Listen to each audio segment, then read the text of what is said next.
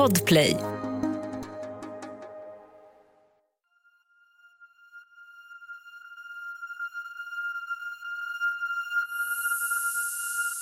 Om han var full och gjorde någonting dumt och jag kan bara så här smooth it over och bara få det att bli som att det inte hände någonting.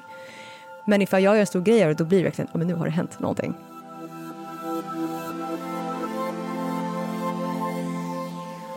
Jag heter Musa Hasselvall och du lyssnar på Fyllepodden från IQ.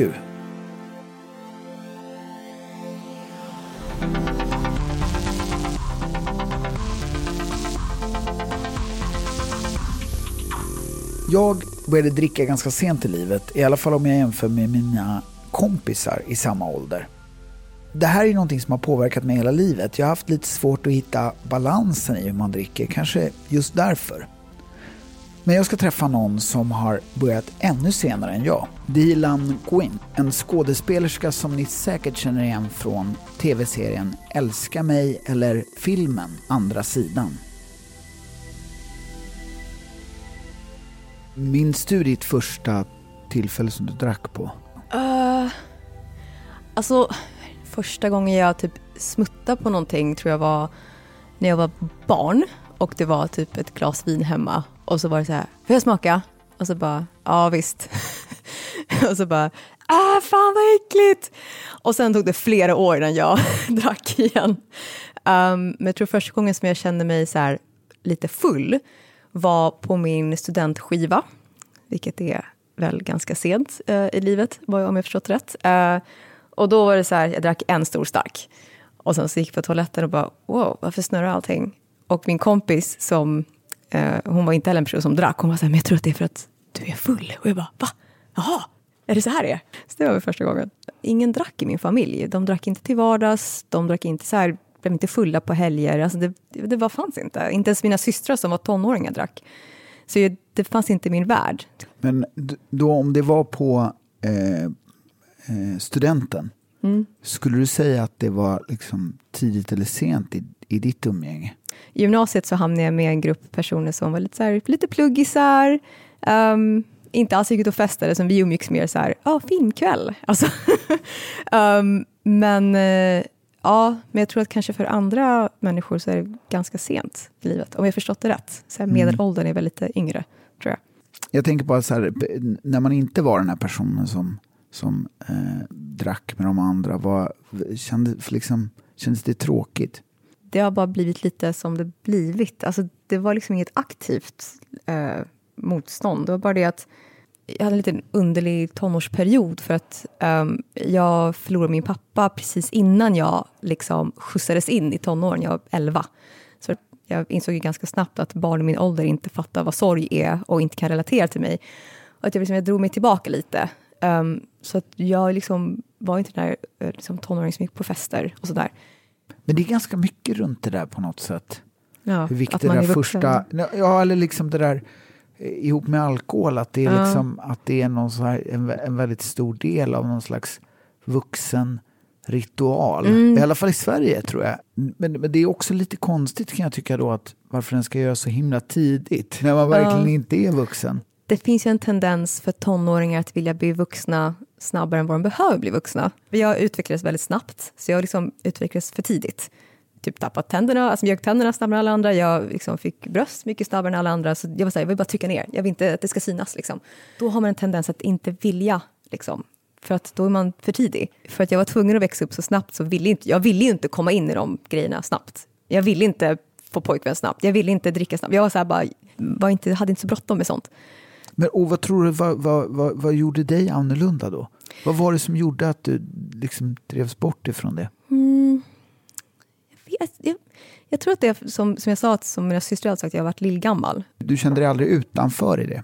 Jo, men alltså jo, lite grann. Jag tror inte jag var medveten om att det var just liksom, en, en alkoholfylld tillvaro som jag kände mig utanför. Men absolut, jag kände mig ganska ensam under liksom, mellan 11 och um, 16 när jag började gymnasiet och lämnade, um, jag växte upp i Kista, så jag lämnade Kista, lämnade alla gamla mönster, alla gamla liksom, kontakter och fick en så här ny fräsch start. Liksom.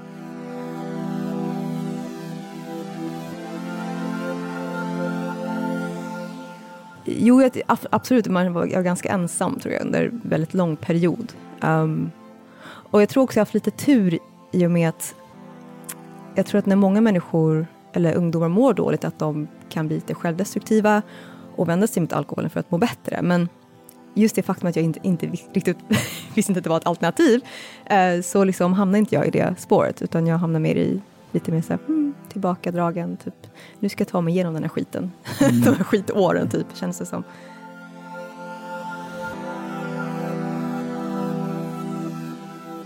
Kan du på något sätt känna att du på grund av lite alkoholerfarenhet har hamnat efter lite grann? Att det är liksom som att du har någon slags, eh, att de andra har någon slags konkurrensfördel? Mm. Förstår jag menar? Att, mm. eh... Det var någon gång någon som sa det här med smärtminne. Typ när man föder barn, exempel, att man glömmer smärtan. För att det är bara det bra man kommer ihåg. Och det är lite som alkohol också, att även om du har ett försprång och du vet att en Manhattan har det här i sig och bla bla bla, och, eller, typ att, eller hur man ska dricka för att liksom, det ska bli bra, man ska säga, så har ju oftast människor en tendens att bara komma ihåg det roliga med alkohol, inte komma ihåg när de spydde eller fick blackout eller nu vad som hände. Vilket gör att de gör samma misstag ändå om och om igen. Så att även om jag var lite efter och gjorde massa misstag, så gjorde ju andra människor samma misstag fastän de har druckit tidigare. Så nej, jag, jag, tror inte att jag har reflekterat på det på det sättet. Jag, nej, jag tror faktiskt det är helt okej okay att jag var lite efter. Sen så döljde jag kanske att jag inte visste så mycket i början. Jag fick en liten crash course ganska snabbt och var tvungen att liksom ta igen mig, känns det som. Um, och bara veta, jaha, så här mår man av en sån här dryck och, och öl och, och, sprit och alltså allt är olika och vin. Alltså, Hur gammal var du då? När jag lärde mig gränsen? Mm. mm, 27, 28, någonstans där. Liksom. Man eh, dras med i vad alla andra tycker om alkohol. Liksom, mm. oh, fan vad kul, nu ska vi shotta tre på morgonen och man bara ja, det är skitkul för att man är ju flock liksom, människa och man vill dras med i gruppen. Men sen efter ett tag så var jag tvungen att tänka efter lite, så här, okay, men vad, vad, tycker Dilan om alkohol? Tycker hon om det ens? Liksom? Alltså, hur såg ditt lärande ut då? Det såg ut så att man kanske gjorde lite dumma saker och att det gick lite för långt ibland och man bara, jag vet inte, jag bara som sagt mådde ganska dåligt ganska snabbt. Liksom. Jag kunde liksom kamouflera mig i det faktum att jag var lite newbie helt enkelt.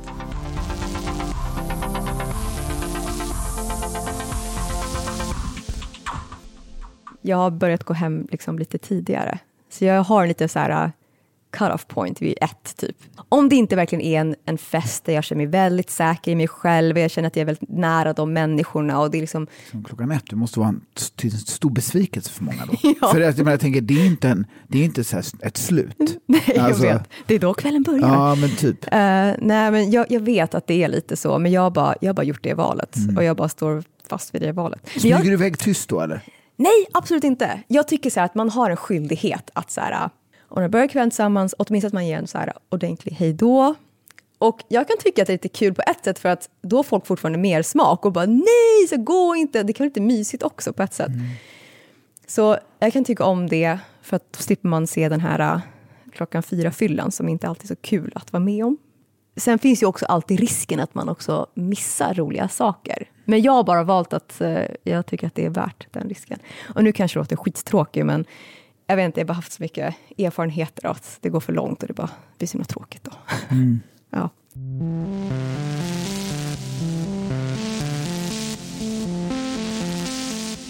Jag, jag har sett det bland andra liksom, som inte dricker, att det är så här bara, va? Alltså, alltså det blir en så snabb reaktion, så här, ja men jag dricker inte. Typ jag har en vit månad eller vad det kan vara. Va? Vadå? Jag skulle inte... Och så, och så blir de så här, och så blir det så stel, lite stela ögonblick direkt efter det och bara, jaha men, ja ja okej. Okay.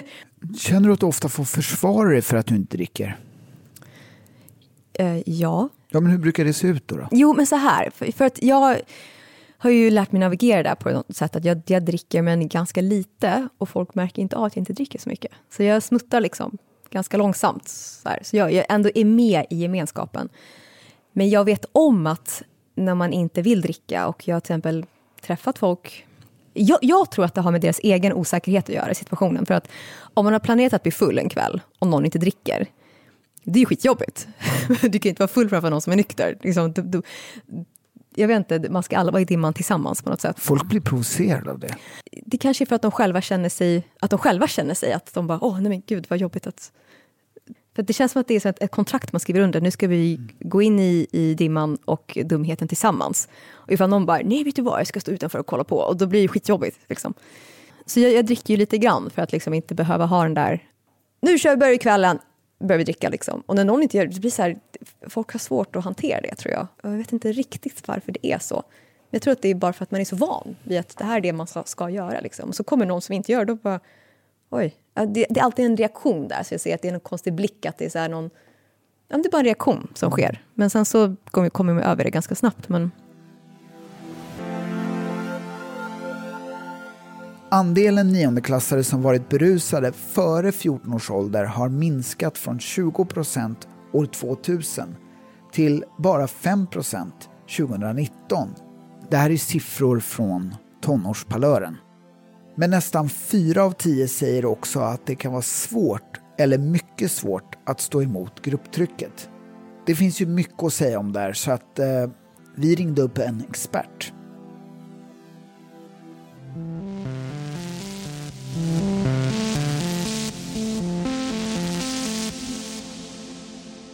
Eh, jag heter Simon Lindgren och är professor i sociologi. Jag jobbar på Umeå universitet. Ja, om, om det nu är så i det svenska samhället att eh, man blir ifrågasatt och måste försvara sitt beslut om man till exempel väljer att inte dricka alkohol. Det som, vad det säger om det svenska samhället är väl bara just det att det finns en alkoholnorm. Sociala normer det är ju de regler som vi lever efter i samhället skulle jag säga. Alltså det är ju inte sådana regler i första hand då som vi har bestämt i form av lagar eller spelregler för en idrott eller någonting sånt eller vad som ska gälla på en arbetsplats med, med vissa bestämda påföljder utan de här lite mer underförstådda reglerna där vi liksom lär oss genom livet att man beter sig på ett visst sätt i ett visst sammanhang och på ett annat sätt i ett visst sammanhang. Vi sociologer kallar det där för socialisation, att vi socialiseras in i samhället och, och lär oss korrekt beteende så att säga.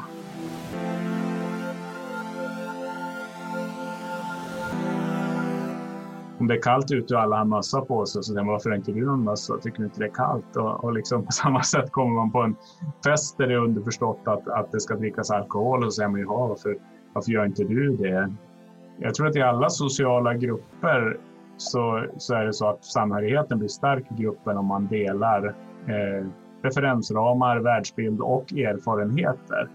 Vilket betyder att kommer man in i en grupp där många delar en viss erfarenhet, till exempel av att man har börjat dricka alkohol som tonåring och har liksom eh, gjort en gemensam resa så att säga i sin relation till, till den typen av, av livsstilsval så, så har man mer gemensamt än om man eh, då får, får in en person i gruppen som kanske har börjat dricka senare i livet och inte passar in där och, eh, och inte kan prata om det på samma sätt. Att jag, jag minns hur det var min första fylla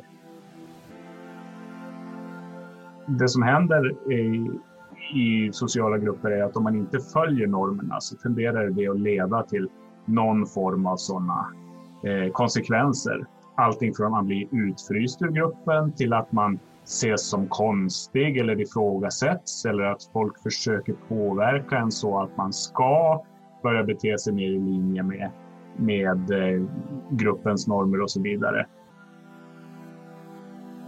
Det är ju egentligen i grunden eh, också något positivt att liksom bryta normer i, i viss mån eftersom vi har ju det här att liksom gå med, med massan och, och inte göra egna val och, och, och, så att säga ge efter för, för grupptryck eller inte vilja sticka ut och så där. Det är ju det är inte något vi ser som positiva egenskaper heller. Så, alltså folk kan också bli lite fascinerade av individer som har, har gjort saker på ett lite annat sätt.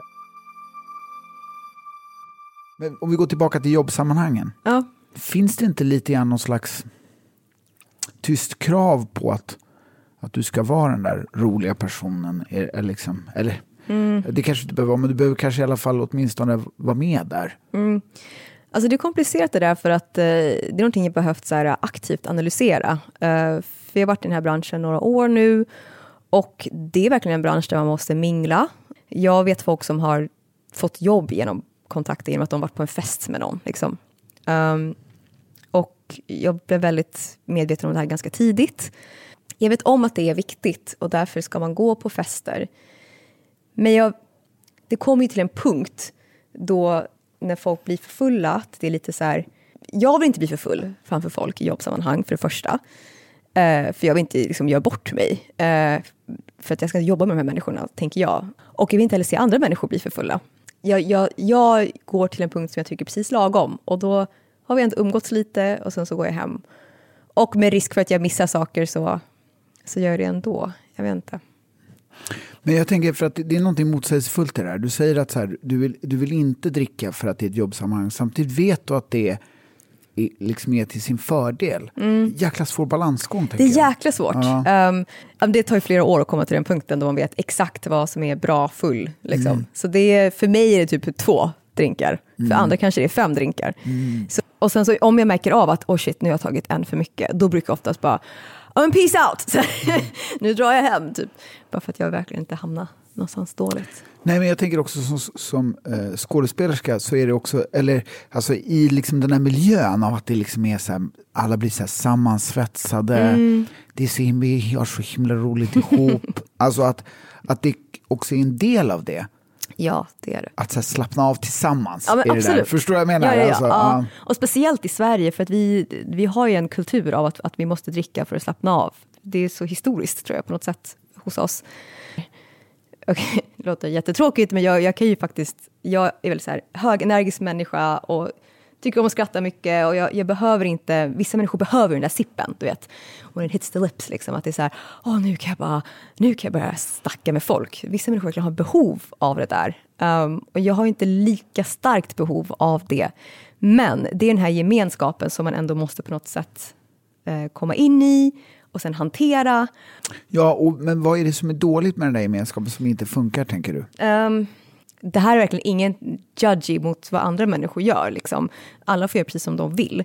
Det är bara det att jag, jag har haft lite dåliga erfarenheter av att, för det första ifall, du vet, ja, men någon, ja, någon spyr och så någon som ramlar på arslet och det är bara så här, oj, någon som råkade jag vet inte, det blir så, kan bli så mycket dåligt och även att folk säger dumma saker eller typ så här folk blir lite klängiga kanske, det har ju också hänt. Uh, jag får inte vara med om det där. Nu är det så här, oh, ska vi jobba på måndag igen? Men menar, är inte det också någonting som sitter i själva jobbet, tänker jag? Vet du vad jag menar? Att vi, så här, ja, vi, jobbar vi är, här liksom... konstnärer på något sätt, och vi är så här frisläppta och det bara spelar roll. Ja, men precis. För, alltså... det, det finns, ja, absolut. Kan vi hålla oss fast lite vid den här eh, klängigheten? För det, jag förstår att det är en sak som ingen har väl missat nu att alla kvinnor drabbas av den. Mm. Hur förhåller man sig till det? Ja, alltså det är så himla dumt att säga, men det kan bli lite så här att om det är en person som man vet om att man måste ha en relation med senare på något sätt, liksom, var det nu än är, ifall det är en kompis eller jobbsammanhang eller vad det nu kan vara, att det blir som att det liksom hänger på dig att hantera situationen. För att plötsligt när folk är fulla, att de på något sätt har rätt att ta sig friheter. Liksom. För att, ja men jag hade druckit för mycket. Ja men fucking lär dig att inte dricka för mycket ifall du vet hur det blir, kan jag tänka ibland. Men, men på något sätt så hamnar jag ändå på dig att så här, äh, jag kan inte göra en stor grej av det ifall någon snubbe blir lite klängig. Jag kan inte bara, vad fan gör du? Står på käften liksom, för att det blir väldigt jobbig stämning. Mm. Då, då lär man sig som kvinna också att hantera, för att man, man bara måste det, tyvärr. Mm. Om du känner att du är den som måste släta över det, mm. Eh, Men så är det när man är nykter också. Tror du att du är, eh, förlorar jobb på att du inte dricker så mycket? Jag tror faktiskt att jag kan ha missat um, möjligheter av att inte dricka. Kanske inte direkt förlora jobb, det blir fel att säga så, men förlora möjligheter till jobb. Ja, men han var så jävla kul på den här festen och, och, och där fick han jobbet. Å andra sidan, eh, de historierna är oftast med män. Typ att män tycker män är roliga och sen så får man ett jobb. Men ifall män... Sen så har jag hört motsatsen också och varit med om motsatsen att ifall man är full och man är rolig på en fest, att istället för att man får möjlighet till jobb så kanske det blir möjlighet till jobb med hakar, eller vad det heter. Ah. Det är så mycket lättare att få möjligheter på fyllan mellan män. eh, än vad det är mellan eh, en man som är högt stående i branschen och en kvinna. Men av min erfarenhet så när det sker så kan det ske med för att de även tycker att man är intressant på andra sätt. Liksom. Och även om man börjar skapa en jobbrelation med dem så, så kommer den, liksom, det upp till ytan förr eller senare. Jag vill bara inte vara med om den grejen för att då är det, den relationen körd sen. Och det är därför som jag också typ valt att göra den här exiten lite tidigt. För att även om de tycker jag är skitrolig och haft jättekul med mig, det är värt de här äh, möjligheterna som jag har missat.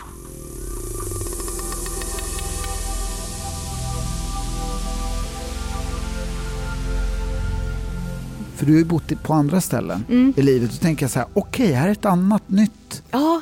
Eh, förhållningssätt. Alltså, eller, känns inte det som att det är väldigt stor skillnad då? Jo, men det har varit jättestora skillnader. Jag, jag pluggade två år i USA. Eh, jag pluggade ett år i Los Angeles och ett år i New York. Och bara de två åren var helt olika. Var det eh, så? Var det ja. skillnad även där? Ja. Um, I Los Angeles var det så här att du måste ju köra bil överallt. Um, och då var jag väldigt ung, då var jag 21. Man måste ju köra hem och det är, lite... Nej, där, där drack jag inte alls mycket. Men sen när jag kom till New York, för att då är det precis som i Sverige, ta tunnelbanan hem. Liksom. Eh, då började nog min resa lite mer. För att då var det så att du bara, ah, då drack man lite mer tunga drinkar och, typ, och då var jag, det var jag helt ny på. Eh, och då, då var första gångerna som jag typ mådde dåligt. Liksom. Och det var ju så himla otrevligt att gå omkring på New Yorks gator och inte må bra. Så då, då, då, fick jag väldigt snabbt en så relation till alkohol. Att jag bara, nej, jag tycker inte om att inte må bra. Eller så jag menar. Mm. Och sen så var jag i, i, i, England ett tag. Och det är ju en helt annan dryckeskultur där. Där är pubkulturen jättestor. Det är helt normalt för dem att varje dag efter jobbet dricka öl. Alltså varje dag. Och då tar, snackar vi flera öl, men de blir typ inte fulla. Det är bara helt så här, oh, we have a pint.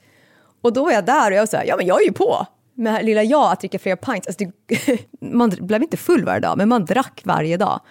Um, och det var väldigt trevligt tyckte jag på ett sätt, för att det är en helt annan kulturell grej. Men jag tycker det är intressant med alkohol, eh, alltså sättet att dricka alkohol i Sverige. Att man dricker inte så mycket till vardags, men på helgen då bara, ah, blir man skitfull. Liksom. Så jag vet inte vad grejen är, men så är det här. Ungdomar dricker mindre idag än de har gjort tidigare eh, visar liksom, till exempel Ungdomsbarometern. Wow, okay. Tror du att vi behöver liksom hitta ett annat sätt att förhålla oss till det där? Mm. Alltså du vet att folk inte vill... Så jag, vet inte, jag, jag tror att i en utopisk värld så skulle vi lära folk att eh, bara hantera det bättre i en tidigare ålder. Liksom. Och vara medvetna om att ungdomar dricker och då måste man faktiskt lära dem hur man ska dricka och inte bara släppa ut dem inställningen till alkohol är ju pro problemet på något sätt. Att inställningen till det är att det här är någonting du måste göra för att ha kul. Um, och jag förr i tiden har det funnits mycket så här nykteriströrelser som bara, du behöver inte dricka för att ha kul, och det blir så himla fel. Liksom. Det är ju så himla svårt att sluta när man väl har börjat. Alltså det är det som är det svåra med alkohol. Är att när du har tagit en drink så finns det tendens att det rullar på. Och det är där skiten börjar. Liksom. Det är ju inte fel att dricka, du kan ju dricka lite grann. Men det är så svårt att veta vart gränsen är för att det är bara så alkohol fungerar, att den vill att du ska fortsätta. Liksom. Folk som börjar dricka tidigt hemma, eller liksom som får möjlighet att dricka hemma först, mm. löper större risk att bli alkoholister. Okay, ja. Hur lär man någon, alltså ska man lära någon att dricka utan att dricka? Eller förstår du vad jag menar? Mm. Alltså ska man bara mata ja, man måste ju, alltså, man måste ju, ja. alltså, man måste ju lära sig på något sätt. Men jag tänker typ så här, om jag jämför med till exempel sexualundervisning. Det finns ju i skolan liksom. Mm lite typ att man skulle vilja att det finns sådana lektioner i alkoholhantering också. Um, ja, det här är alkohol, inte bara så här, det här är alkohol och när du dricker blir du full, det är dåligt. Det, det är fel. jag tänker typ att man kan lära sig. Jag minns det i alla fall som att skolan bara var så här att man ska inte dricka. Ja. Eh, men och det är så liksom, dumt för att alla kommer, alltså ja. folk dricker. Mm. Um, det måste vara rätt personer som snackar om på rätt sätt. Um, unga människor helst. Och att man går in i alkohol, eller i liksom dryckes, dryckeskulturen och vet att när man dricker kan man bli full och då kan man känna sig så här och hur man ska hantera... Alltså bara, jag, jag tror verkligen på att det ska kunna hanteras mycket bättre.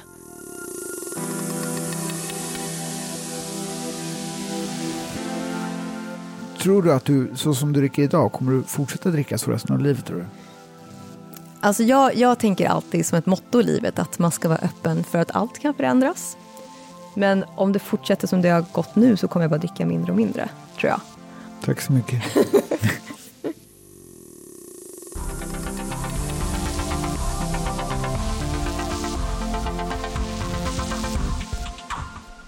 Du har lyssnat på Fyllepodden med mig, Musse Hasselvall.